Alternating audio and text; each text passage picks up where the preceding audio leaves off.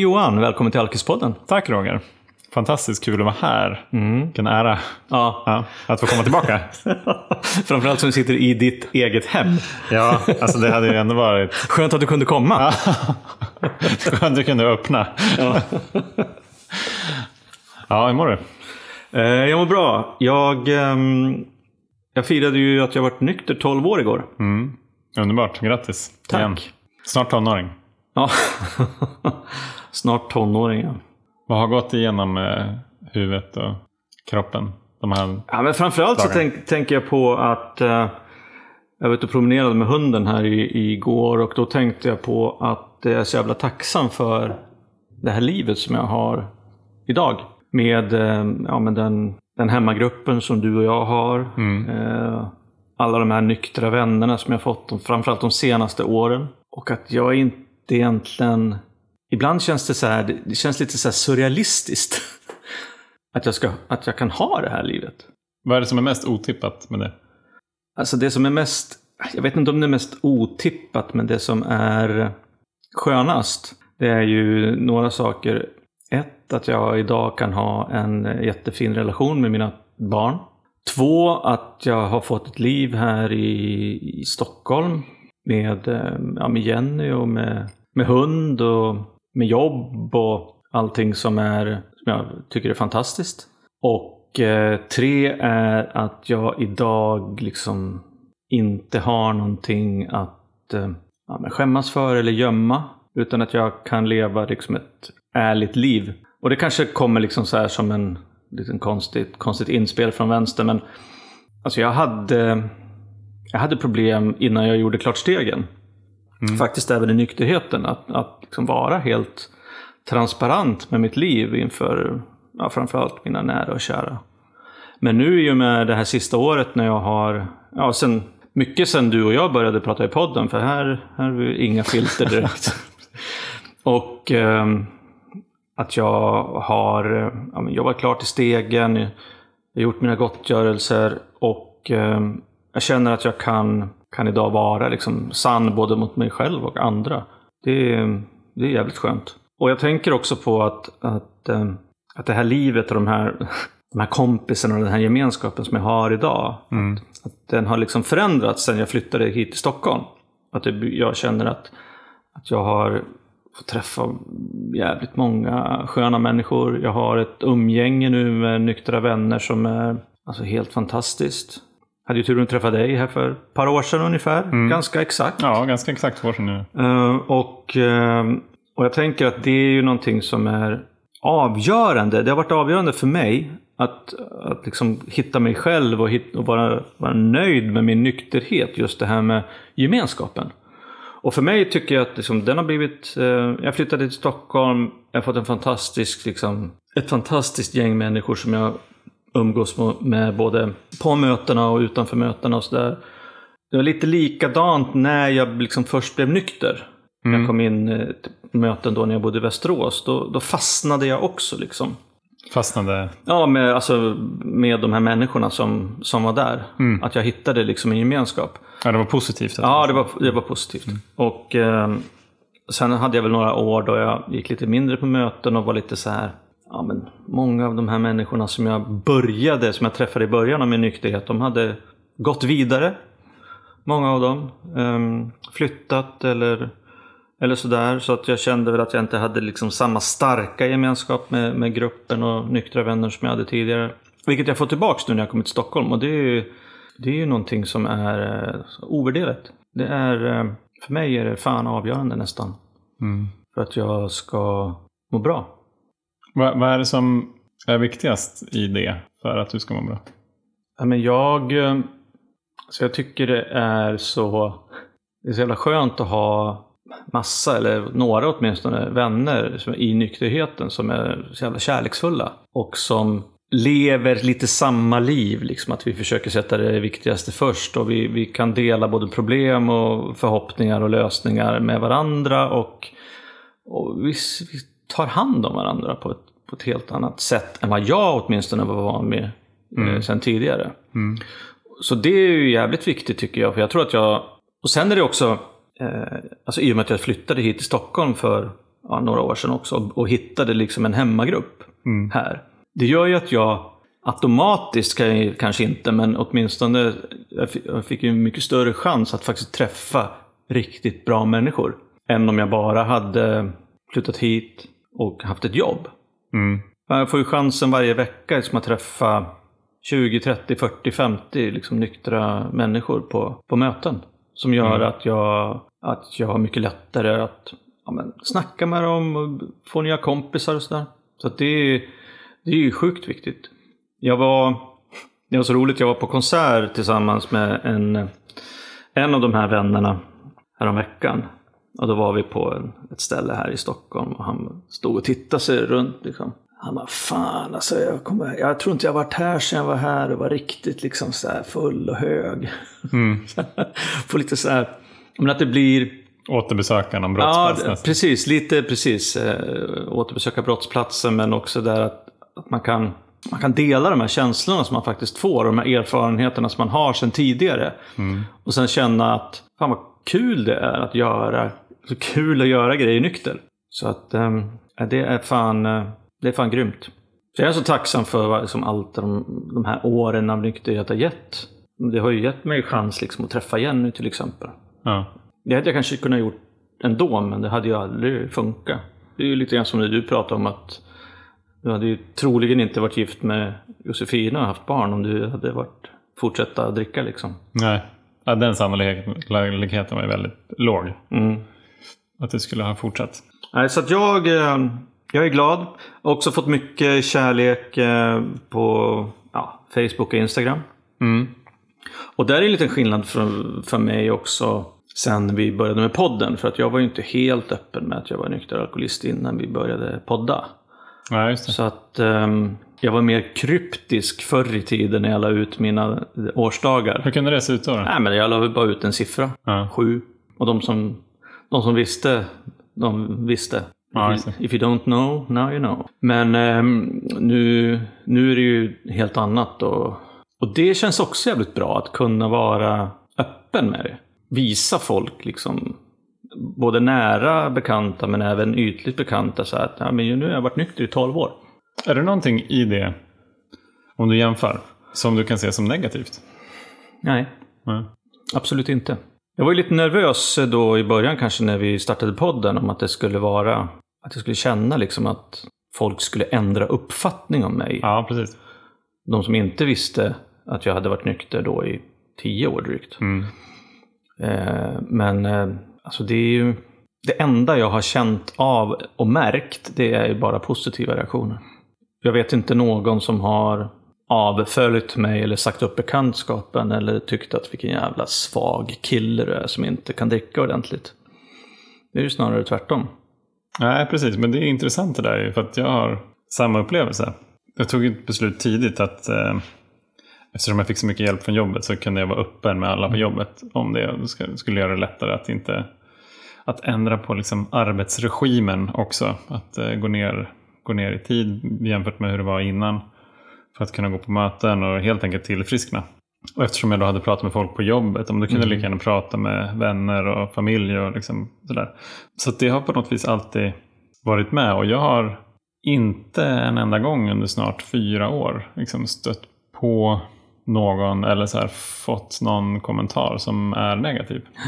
Vad bra att du sa det där, för att jag tänkte på det, för du var ju öppen där i början om det, att du var alltså, nykter alkoholist.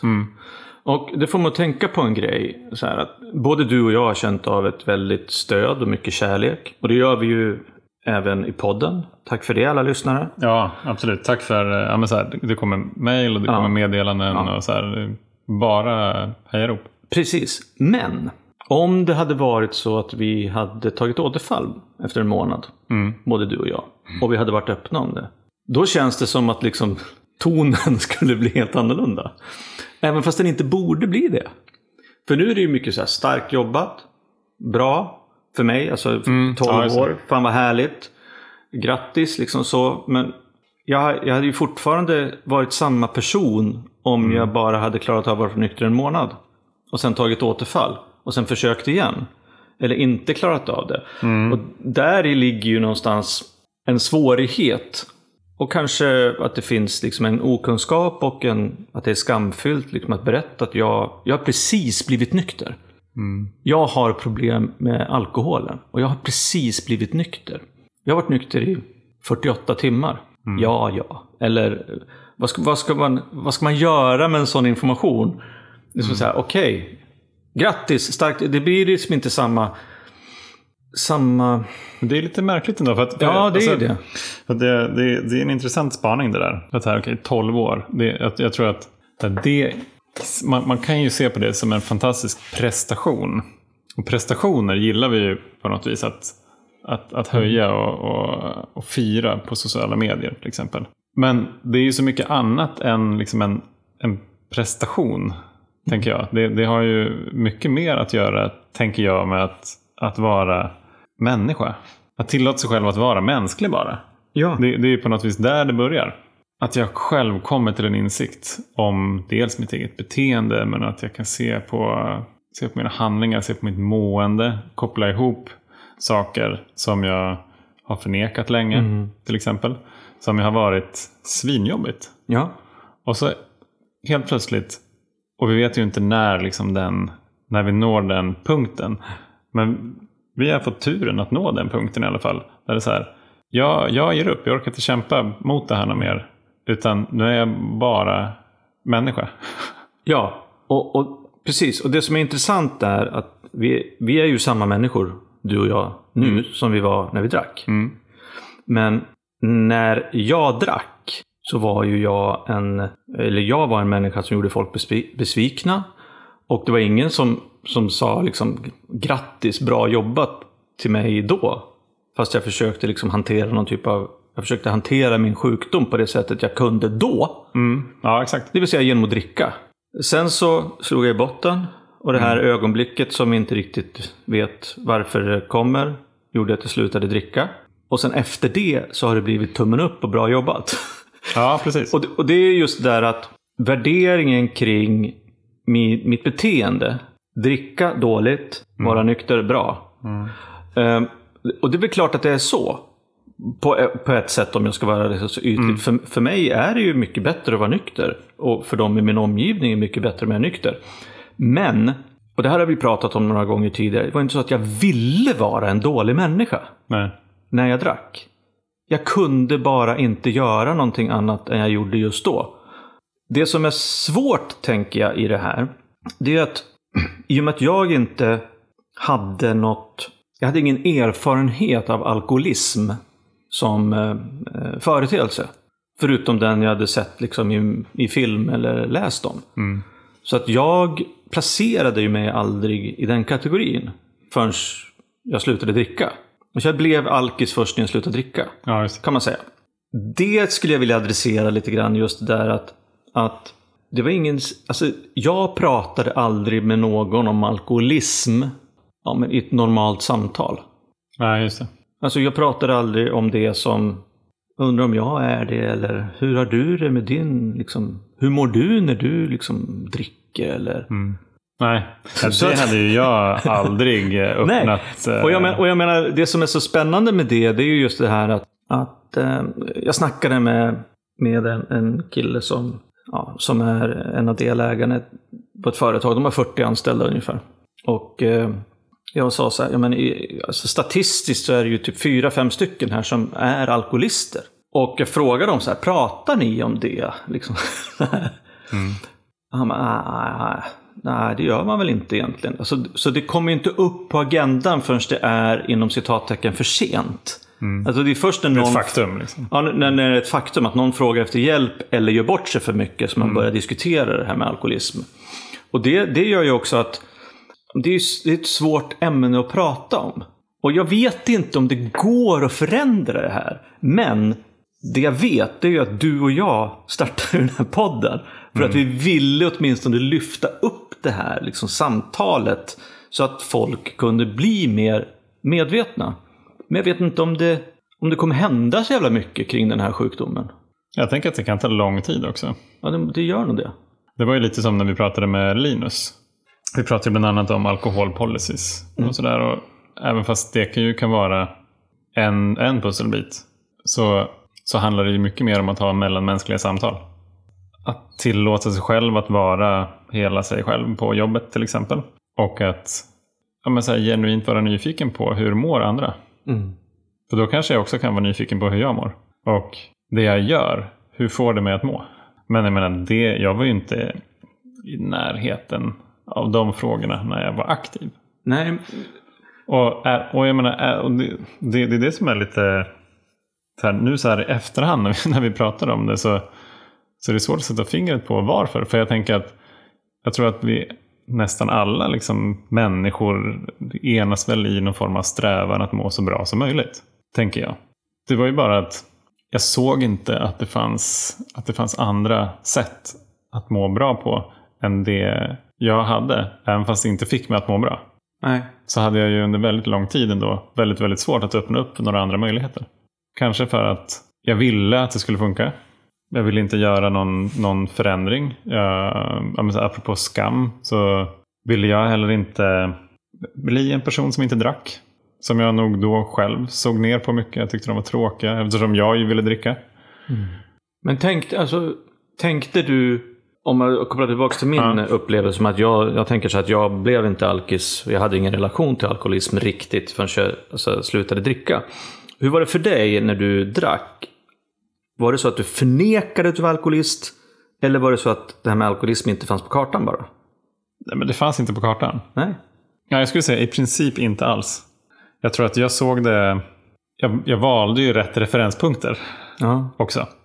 Att eh, ja, men jag, jag festar ju ungefär som de här och de här. Och de är ju inte alkoholister. Nej, då är inte jag det heller. Och jag har det här jobbet, jag har den här lägenheten, jag har den här relationen, jag har de här vännerna. Då kan jag inte vara alkoholist. Nej. Så att nej, jag hade inte närmat mig det. Den, den enda gången som, som jag nog tog de orden i munnen, det var, det var på Oktoberfest i München. Eh, där jag, ja, jag var så, undrar om det var nog, det var nog kanske sista året eh, jag var där. Och jag var så jäkla trött. Det var väl säkert då en av de sista dagarna där. Och så här, gått runt i, i lederhosen och alltså, fina så här, knästrumpor och grejer och ganska obekväma mockaskor. och det var ju så här, det var ju grymt jävla kul. Men jag nådde en punkt där så här, "Ja, jag är trött. Som, och, jag, och jag insåg att så här, vad långt jag har att ta mig ur det här. Mm. Det är ändå en ganska påkostad ölresa. Att åka till, till München över Oktoberfest. Det är, liksom, det är bara boendet. Det kostar flera tusen per natt. Liksom, För att åka till ett ställe och dricka öl. Ja. Det jag tänker så här, ja men kul en gång. Det var tredje året i rad jag var där. Men tänkte du någon gång, eh, jag vet att du var trött, du var stressad, du hade mycket jobb och så här, men tänkte du någon gång eller flera gånger på att du kanske drack för mycket? Eller drack onormalt? Ja, onormalt tror jag att jag... Jag tror att jag insåg det ganska tidigt. Men bara för att det var onormalt så såg jag det inte som ett problem. Nej? Det var, det var bara att ja, jag, jag kan dricka mer än andra. Good for me. Ja.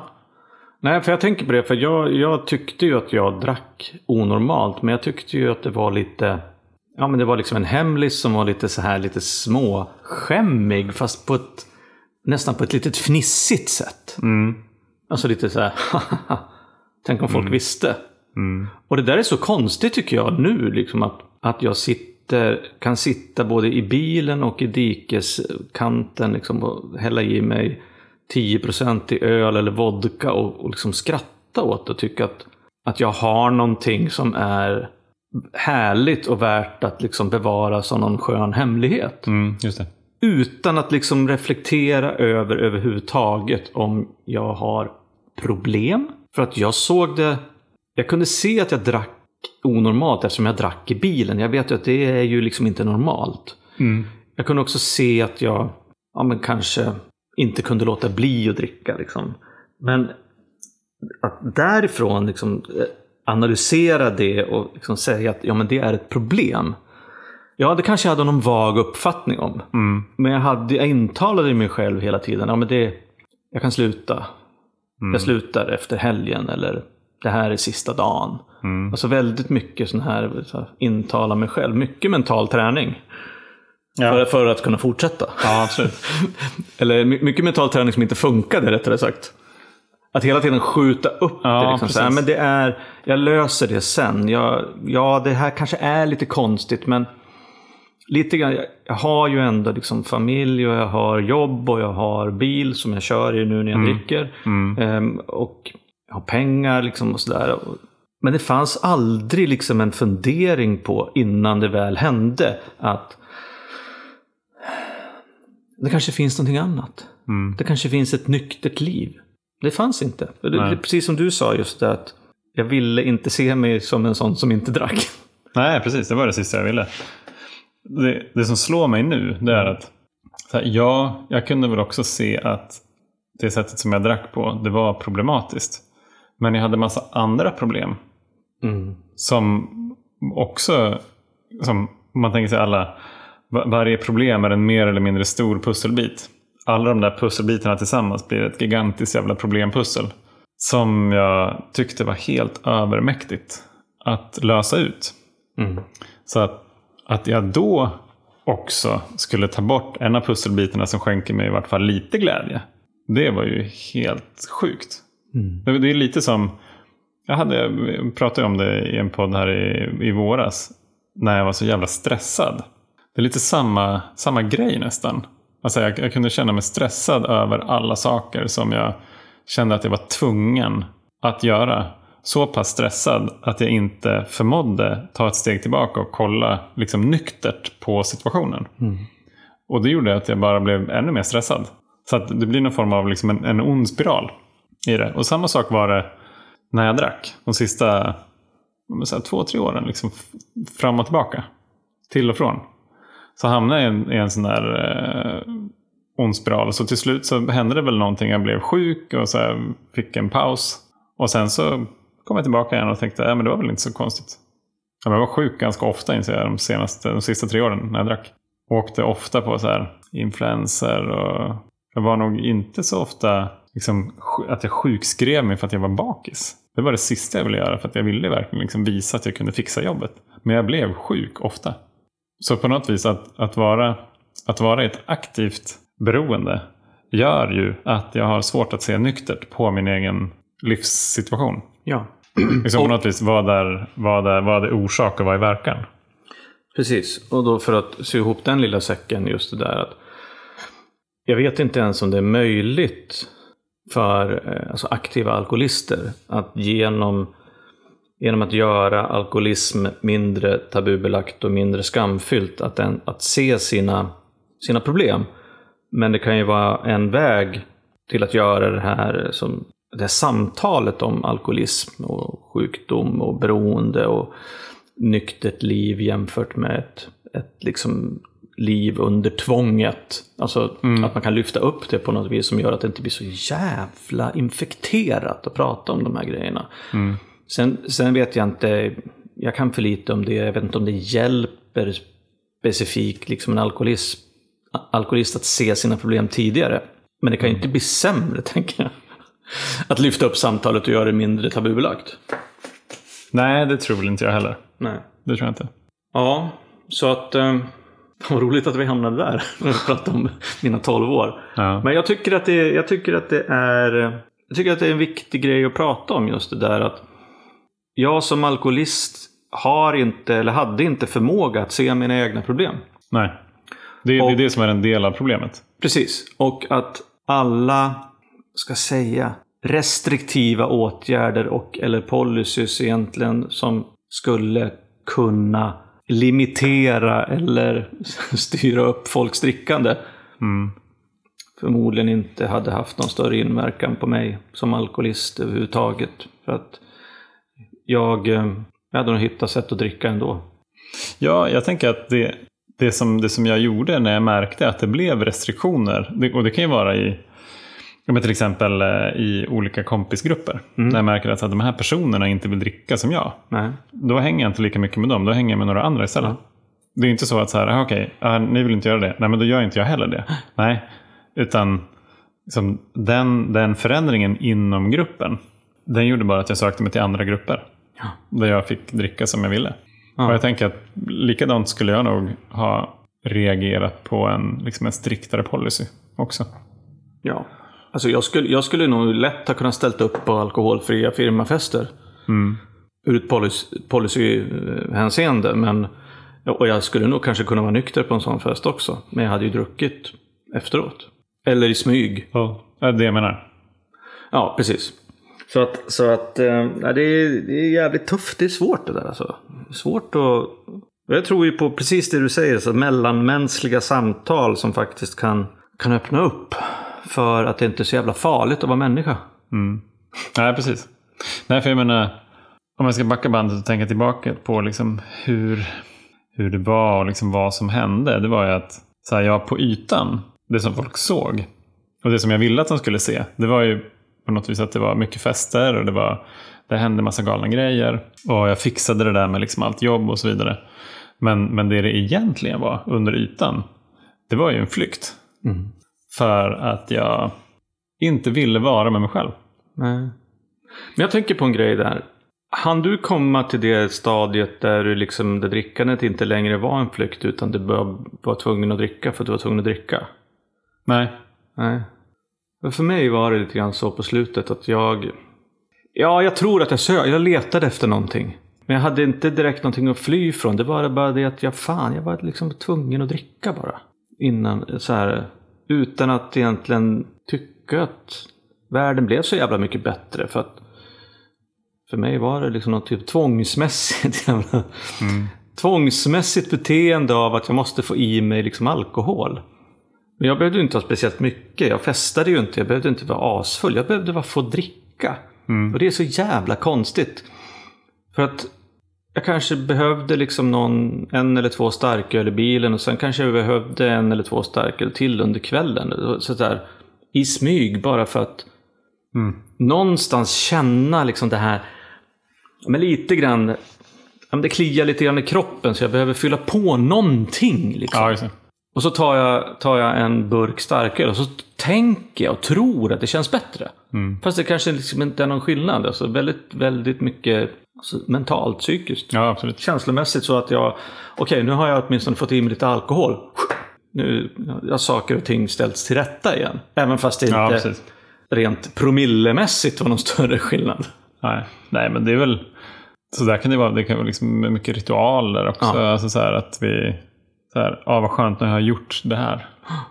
Nu, alltså det, vi, vi lär ju våra system att gå till vissa tillstånd. Och, och jag tror att skillnaden idag är att jag vet att jag har valet. Mm. Det, det visste jag inte förut. För till exempel att gå på ett möte. Jag har ju någon slags här, förväntan om att så här, ja, men bara jag får komma på ett möte så kommer det kännas bättre. Jag har varit på så många möten så jag vet ungefär liksom hur jag Oavsett hur jag känner när jag kommer dit så känner jag en, en frid, en sinnesro. En, liksom en, det är en lugnare Johan som kommer därifrån. Liksom. Så det är någonting som jag vill uppnå ett annat tillstånd än det jag har nu. Eller så har jag ingen en önskan om att förändra mitt tillstånd men jag vill ändå gå på ett möte. Så kan det också vara såklart. Och så liksom bara för att jag vet det. Det gör ju att, att jag liksom har en välvillig inställning. Att mitt system har en välvillig inställning till möten. Gör att jag får en bra känsla av det.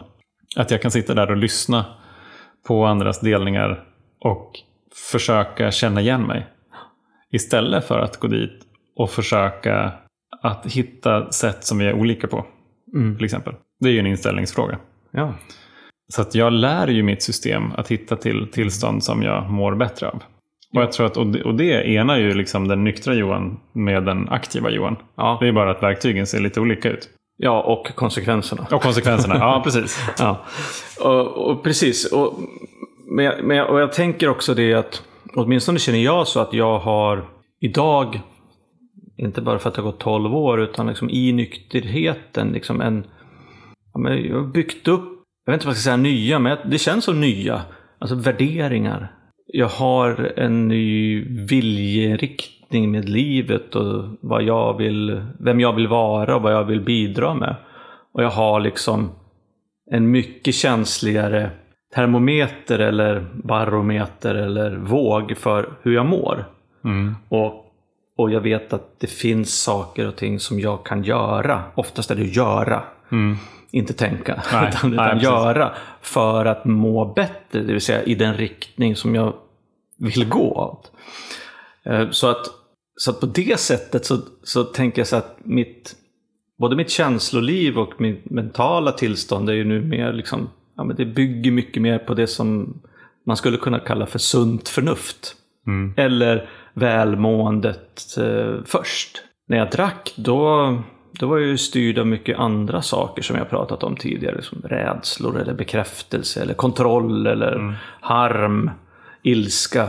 Sådana saker som gjorde att, alltså, som fördunklade den här, det här sunda förnuftet. Så att på det sättet så, så är det ju så, det är jävligt eh, lurigt. Men eh, i och med att jag då har jobbat i det här 12-stegsprogrammet som säger då att i andra steget att jag eh, tror att det finns en kraft som är större än min egen som kan återge mig mental hälsa. Det betyder att när jag drack så hade jag inte eh, mental hälsa. Utan den har, den har varit tvungen att bli återskapad eller jag har fått tillbaks min mentala hälsa. Och det är också jävligt, så när jag tänker på det på det sättet, det är jävligt eh, dramatiskt egentligen. Och kanske någonting som, som är lite svårt att ta in. Men det, det där är jättespännande. För jag gillade hur du sa med så här, hur de här olika rädslorna till exempel kan fördunkla. Och att, så här, att vi åter, återger oss mental hälsa. Det, det handlar inte så mycket om att, om att hitta liksom nya saker. Utan mer om att få tillgång till det vi redan har. Ja, Genom att skala bort det som i mångt och mycket är illusioner. ja, Rädslor, Ja. eh, ilska och så vidare. Det där är ju bara saker som vi tänker på och skapar illusioner kring. Och som då fördunklar, liksom sätter filter på det som vi, som vi egentligen redan vet men vi inte får tillgång till. Så att det, det för mig, det är nog en av liksom kärnprocesserna i, i tillfrisknandet. ja, precis. Och det är därför jag säger, jag sa nya, men jag vet inte om man ska kalla det för nya. För att det känns för mig som det är nya Ja, men det kan eh, jag absolut värderingar och nya, liksom, ett sundare jag. Därför att jag, Mm. jag känner inte att jag har haft kontakt med dem tidigare. Och det är möjligt Nej. att jag kanske hade det i barndomen. Det är möjligt, men, men för mig så känns det som att jag är en ny människa på många sätt. När jag blir Ja, nykter. ja, jag lever nyktert. Efter de här principerna. Så att, så att 12 år i detta fantastiska, det är jag tacksam för. Jag, jag ser liksom min, mina år här som börjar närma sig fyra. Att det liksom är snart fyra år av avlärning. Mm. Verkligen så här av, avskalning, avlärning. För att komma till kärnan av det jag redan vet. Så att, att jag lär mig nya saker. Det handlar om att få tillgång till det jag redan vet. Och i det så innebär det också att jag lär mig ingenting som jag faktiskt inte redan vet. Jag har hela tiden vetat det här. Jag har bara inte vågat se det. Eller av- kunnat. Eller kunnat se det. Eh, på grund av liksom rädslor och allt det här som, som sätter det här filtret eh, på. Och, och det gör till exempel att ja, men en, en rutin som meditation till exempel blir ganska intressant ur den aspekten. Att bara att sitta i stillhet utan att bli, känner jag mig som ibland bombarderad av input utifrån som jag behöver förhålla mig till på olika sätt. Så kan jag få tillgång till saker som jag redan har där inne. Men som, som jag när jag är ute och viftar i liksom alla mina göromål helt enkelt inte ser. Eller inte känner. Nej, det där är ju jättespännande. Jag, jag håller med. Och jag tycker också att det finns en annan dimension av nykterheten. Det är också det här att, att eh, jag kan tycka att även efter to- 12 år att samtal med nyktra vänner eller på möten, att eh, litteraturen som finns, att meditation, att det ger mig liksom att jag sl- slås av saker som jag kanske har hört så här hundra gånger Mm. Ja, tusen gånger. Eh, jag berättade ju om att jag hade, liksom, jag hade hakat upp mig på en textsnutt från Stora boken som handlar om föreställningar. Ja. Och den där texten har jag ju hört på varenda möte i 12 år. Exakt. Utan att jag har liksom reflekterat på, över den på det sättet som jag gör nu. Och det tycker jag är så jävla skönt. För jag älskar ju liksom att lära mig nya saker. Nu när jag har en riktning liksom som, som är mer medveten och undermedveten faktiskt efter den här tiden. Liksom att, som tar mig åt ett visst håll. Det gör ju också att min perception blir förändrad. Jag tar åt mig saker som är bra och konstruktiva idag snarare än destruktiva och meningslösa grejer. Vilket jag tycker är skönt. Jag kan ju ta åt mig sånt också, men jag sållar bort det. Det som, det som betyder någonting för mig och som gör att jag utvecklas, det är ju liksom viktiga, konstruktiva, bra, positiva grejer. Det kan vara svårt ibland att, att inte ta åt sig av det där negativa. Ja, absolut. Hur gör du för att skala bort det då? Jag vet inte. Alltså, det är ju en av de här grejerna som... Lång och trogen tjänst. Ja, 12 men lite grann. Det är ju en av de grejerna som jag har, som har nötts bort. Ja. Jag, ska inte, alltså jag är ingen jävla ängel eller helgon. Det är klart att jag tar åt mig av negativa och dumma och, och liksom triviala, oviktiga grejer som inte alls är bra. Men eh, ofta så kan, kan det liksom försvinna efter ganska kort tid. Ja, för jag, jag märker att jag, jag har nog blivit bättre på det kanske senaste året. Och så här, det är verkligen övning i färdighet. Och en fråga som jag ställer mig idag, det är så här, hur hjälper det här mig? Mm. På vilket sätt gör det här att jag mår bättre? Jättebra. Det finns ju några sådana frågor som man, kan, som man kan jobba med i nykterheten. Det ena är hur hjälper det mig? Hur kan det få mig bättre? Det andra som jag läst att, att en del eh, ställer, frågor som en del ställer sig det är För det här mig närmare Gud? Ja, just det. Eller ehm, är det här bra för min nykterhet? Ja, exakt. Så att, att öva sig själv på att ställa sig sådana här konstruktiva, viktiga frågor gör ju att eh, beteende, tankesätt, tankebanor kan förändras. Mm, absolut. En annan sån favorit som jag har som har flugit upp på topplistan på sistone. Det är skulle det kunna vara på något annat sätt? Ja. Bara att, så här, att jag öppnar upp för möjligheten att verkligheten så som jag uppfattar den kanske inte är så som jag uppfattar den. ja, det är bra. Skulle det kunna vara på något annat sätt överhuvudtaget? Och bara att så här, ja, det gör att jag, att jag kan släppa liksom det här krampaktiga taget om den. Och komma fram till någonting mer konstruktivt. Ja, och gillar ni inte det, kära lyssnare, så kan ni alltid köra What would Jesus do? Ja. Eller den kanske lite mer kontroversiella What would Don Draper do? Oj. Vem är det då? Don Draper är ju eh, han i Jag känner igen det, men jag kan inte sätta... Liksom... Mad Men. Ja, okej. Så att ehm, det, finns lite olika, det finns lite olika varianter man kan använda där. Eller Det kanske var vad skulle Johan göra? Ja, exakt. Det brukar jag tänka. Ja, brukar du det? ja, jag brukar alltid tänka, vad, vad, vad skulle Roger ha gjort? Ja. Nej, men Byron Katie pratade ju om, eh, om My business, eh, your business, God's business. Ja. Till exempel. Det är ganska intressant också så här, att kategorisera det som, det som händer eller det som görs i lite olika kategorier. Och så här, vad är det jag överhuvudtaget ska lägga min tid och energi på? Ja. Vad är det jag kan påverka? Det är på något vis här, sinnesrobönen kategoriserad. Ja. ja, Johan. Du, eh, tänker vi rundar av här. Ska vi försöka oss på att sammanfatta det här samtalet? Vad har vi pratat om? Vi har pratat om 12 år i nykterhet. Ja. Sju, sju år i Tibet. ja, precis. Nej, när, när, man, när man säger det sådär så låter det som att det är, så här, usch, det är en, eh, en, en, en lång pina. 12, det- ja, 12 år i nykterhetens öken. Ja. Nej. Torrt. I, I nykterhetens eh, lustgård. Ja, precis. Och vi har pratat om eh, hur svårt det var att förstå att vi var alkoholister. Ja, och att det, exakt, att jag inte kan se orsak och verkan när jag är i det aktiva. Så att liksom jag, och det, det gör ju att det blir mitt eget problem. Ja, precis. Och att kanske mellanmänskliga samtal där att vi tillåts vara människor, det vill säga göra fel, be om hjälp. Kanske kan underlätta. Ja, och att vi, om vi vågar lyssna på det som finns där inne så har vi redan alla svaren. Ja. Frågan är bara vad behöver jag göra? Och vad behöver du göra? Vad behöver ni göra för att ta er dit? Och vad ska Gud göra? Ja, precis. Ja, jättebra. Du, eh, hur är det nu? Då hörs vi om två veckor då? Ja, vi hörs om ett par veckor. Fan vad skönt. Ni får ha det bra till dess. Tack eh, Johan, det var skönt att få komma hit och fira 12 år även i podden. Ja, nu är det liksom inne på 13 året här. Ja, sjukt. Ha det bra allihop där ute. Mm, Så bra. hörs vi. Trevlig. Hej då.